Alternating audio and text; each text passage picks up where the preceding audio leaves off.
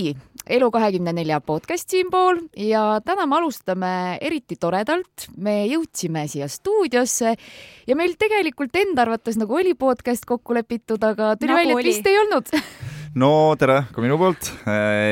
ja vahepeal ikka juhtub selliseid asju. me nägime seal fuajees, eks ju, siin äh, Siduri tänaval mm -hmm.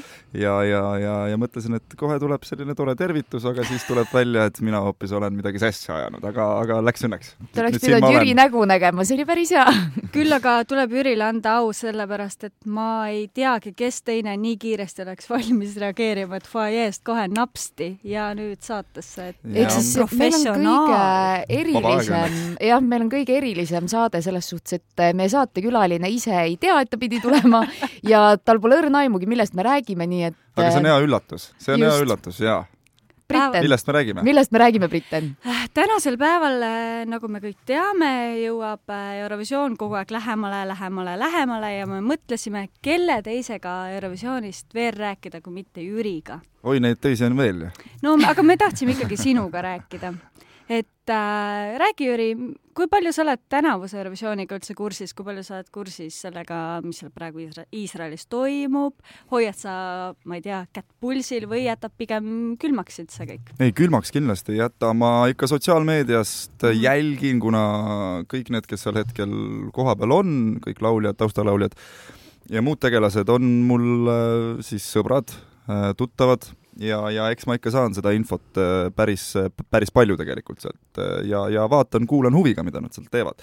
muidugi natukene kadeduse junn on sees, sellepärast et Tel Aviv muidugi, eks ju väga,, väga-väga lahe koht, äh, olen ise seal ka käinud Eurovisiooni raames, kusjuures kui meil endal oli minek siis Stockholmi kaks tuhat kuusteist, siis vaata, tavaliselt enne Eurovisiooni on sellised eelpeod ja mm -hmm, ja, ja. mis siis on sellised noh, tutvustavad üritused ja siis üks oli Tel Avivis ka ja aga, aga jälgin küll ja, jälgin küll, laule ei tea nii palju. aga kuidas meie lugu meeldib? meeldib, meeldib, meeldib ja ma arvan, et õige laul läks äh, ja no enne ei oska midagi öelda, kui ei tea, mis seal laval toimub visuaalselt, sest et noh, laul tegelikult on hea, me teame, et see ei muutu, aga aga just äh, vist lugesin alles, et mingid sellised väiksed probleemid olid seal lava peal. naislauljad ka ei tule lavale. naislauljad ka ei tule, jah, ma arvan, et see on hea. ma arvan ka, mis me neid naisi üldse sinna lavale. naised, naisi on ilus vaadata. ma arvan, et et jah, kuidas ma ütlen, et võiks siis Viktorile keskenduda, sest et ta on see põhiartist okay,, et jah, et las ta jääb niimoodi.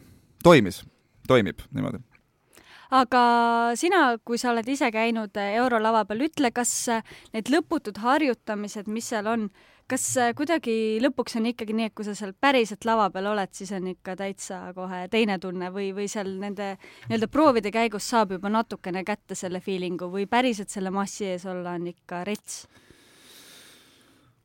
kui vana sa üldse olid, kui sa kakskümmend üks issand. jumal, ma küll ei julgeks. Eh, tead, ma praegu kardaksin tuhat korda rohkem Ongi kui, kui siis, sest et ma ei osanud midagi karta, kuidagi hästi hulljulge olin.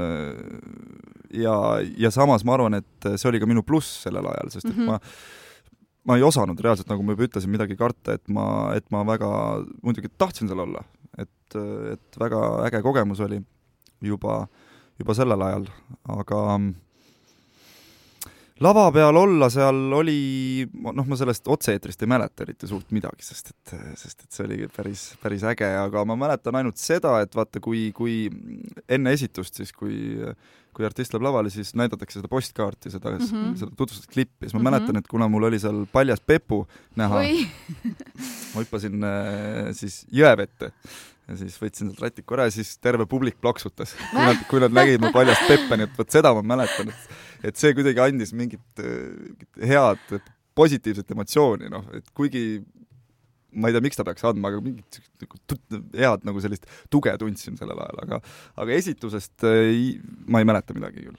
proovidest ma mäletan, proovid ise läksid äh, suhteliselt, äh, suhteliselt närviliselt, sest et äh, esimest korda olla laval, noh, need tähtsad ninad vaatavad sind ju, kõik mm -hmm. need režissöörid, inimesed, kes peavad siis seda esitust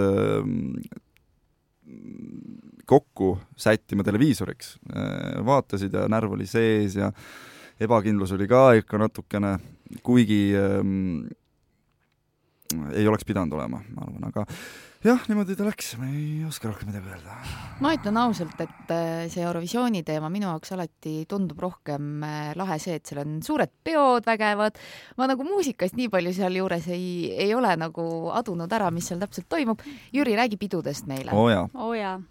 peod olid head seal, peod olid head, muidugi ähm, kui ma läheks uuesti äh, kunagi mida ma ei usu, et juhtub, siis ma ei ütleks, et ma palju pidutsesin, aga kindlasti ma oleks võinud olla natukene rohkem fokusseeritud esitusele, kuigi kõik sai tehtud õigel ajal mm, -hmm. kõik jõudsin proovidesse, tegin ära, hääl oli korras, värk, aga, aga samas nagu äh, Ähm, ei, ei tegelikult ma ikka, ei, ma ikka paneks ka pidu seal uuel korral ma natukene ei saa nii tõsiselt ka seda üritust võtta. et seal mõned artistid olid ikka niimoodi, et nad ei käinud mitte ühelgi üritusel, nad ei käinud ühelgi äh, siis nii-öelda sellel kontserdil mm., vaata mingid Skandinaavia mhm. peod mm -hmm. on ja mingid siuksed on ja nad noh, ei läinud, sest et nad olid hästi fokusseeritud, hästi keskendunud. ja, ja, ja minu arust see ei ole, noh, see võtab selle fun'i ära, sest et Eurovisioon ei ole ainult see lauluvõistlus, see on kogu see möll ja, ja melu ja pidu, nagu sa ütlesid, peod olid ägedad ja sest et seal on ju need ametlikud peod ja seal on muid pidusid ka linna peal, et, et ja eriti, kui sul on nii lahe seltskond, kellega koos minna sinna. ja, ja mul tulid veel äh, sõbrad ka kaasa Eestist, hea lähedal tulla, Stockholmis oli nii et, äh, nii et äge oli ja peod on ikka omal kohal, see on üks osa Eurovisioonist kindlasti see on ikka päris julge, mina oleks üks neist inimestest, kes oleks üksinda hotellitoas, mediteeriks, oleks niimoodi, et davai, nüüd läheb võistluseks. aga Jüri, siis sa võtad väga chillilt asja. ma võtsin äh, üllatuslikult chillilt, jah. arvestades seda, et ma sain ka selle laheda viimase koha, eks ju, et ma absoluutselt mind see ei häiri, et, et, et, et äh, ma ei oleks osanud nagu midagi teistmoodi teha sest et ma kuulasin endast äh, vanemaid, kes olid käinud, kogenud, ma, ma andsin endast tol hetkel küll parima, et muidugi praegu mõtled, et oleks saanud midagi muuta, võib-olla mhm. enda arvamust rohkem võib-olla avaldada ja nii edasi ja nii edasi, aga aga noh, tol hetkel noh, ma olin kakskümmend üks, ma olin, ma olin ikka väga roheline, et, et muidugi kui läheks uuesti, siis teeks ka teistmoodi midagi millal uuesti lähed? no ma juba ennem ütlesin, et ma ei usu, et see, kui see üldse juhtub, siis mitte kindlasti mitte niipea.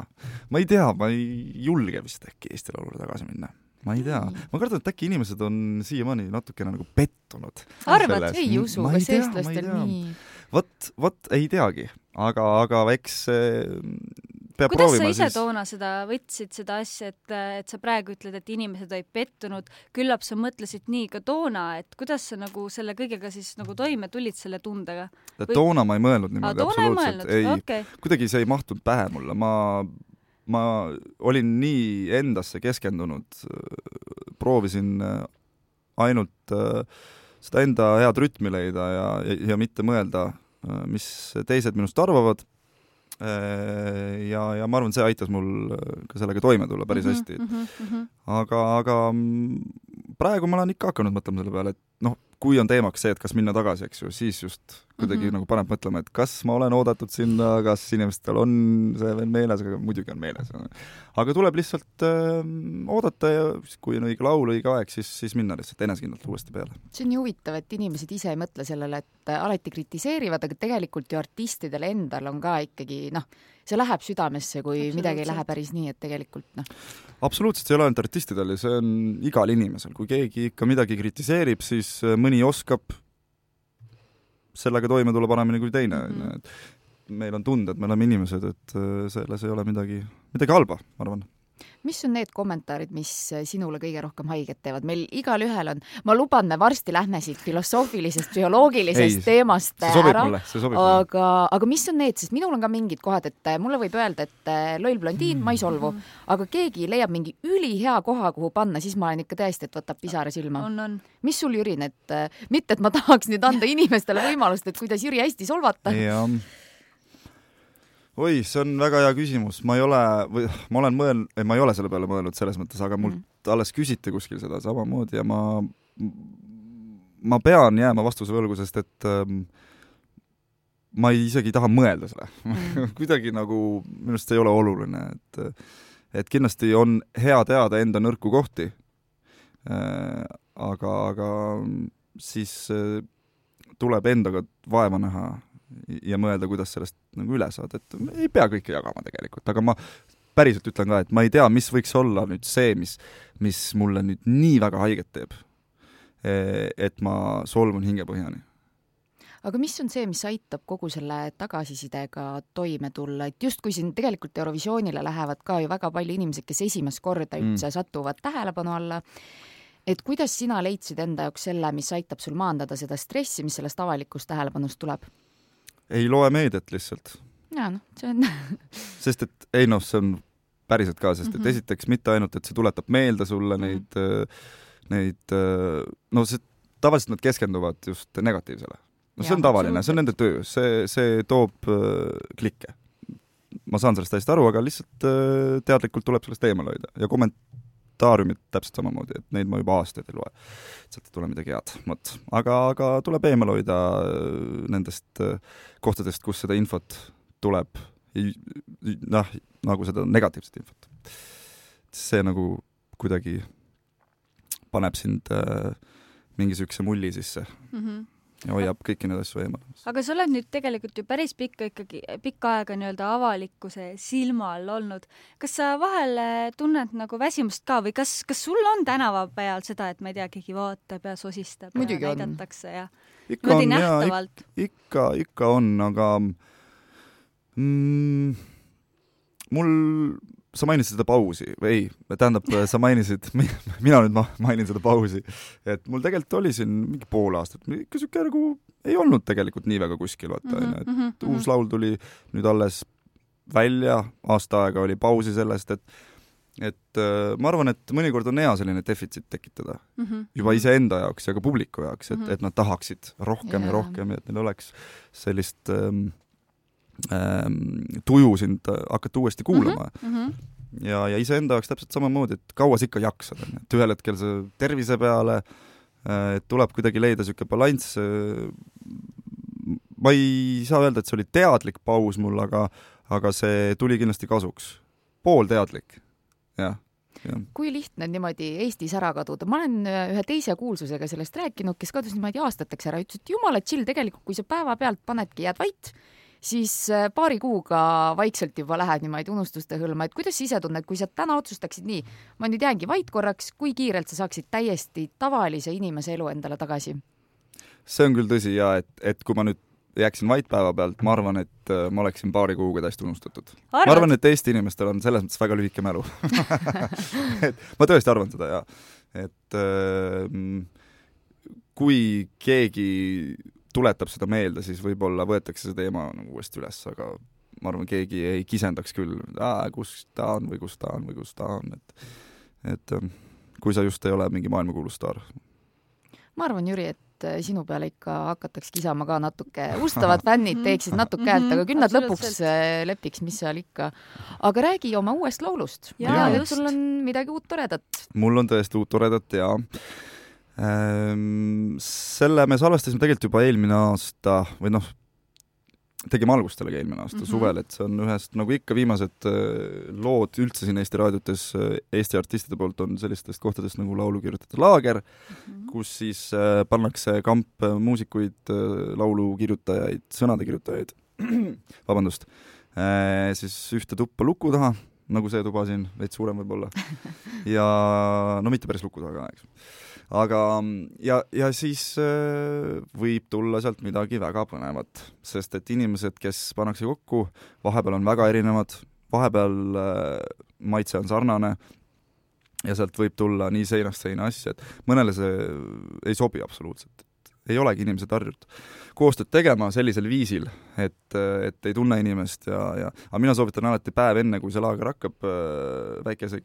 pits keefrit teha ja, ja siis tutvuda inimesega, jääd murda, natukene võib-olla väljas restoranis söömas käia, et sa saad nagu, õpid inimest natuke tundma, saad aru, et noh, et töö, töökeskkonnas äh, see ei käi nii lihtsalt et, et jah, ja, ja, ja seda me tegime ja ühe Soome produtsendiga siis sai see laul äh, kokku pandud, Eva Vaino oli veel kambas, kes aitas mul sõnu teha, seal oli veel Taavi Paumets ja, ja, ja veel mõni Soome, Soome tüüp. Ja, ja nüüd ta siis äh, jaanuaris lõpetasime selle veebruaris, märtsis, ma ei teagi nüüd, aasta alguses lõpetasime selle nüüd täiesti ära, sai valmis. Ja nüüd siis on kõigile kuulamiseks olemas. ja kuidas tunne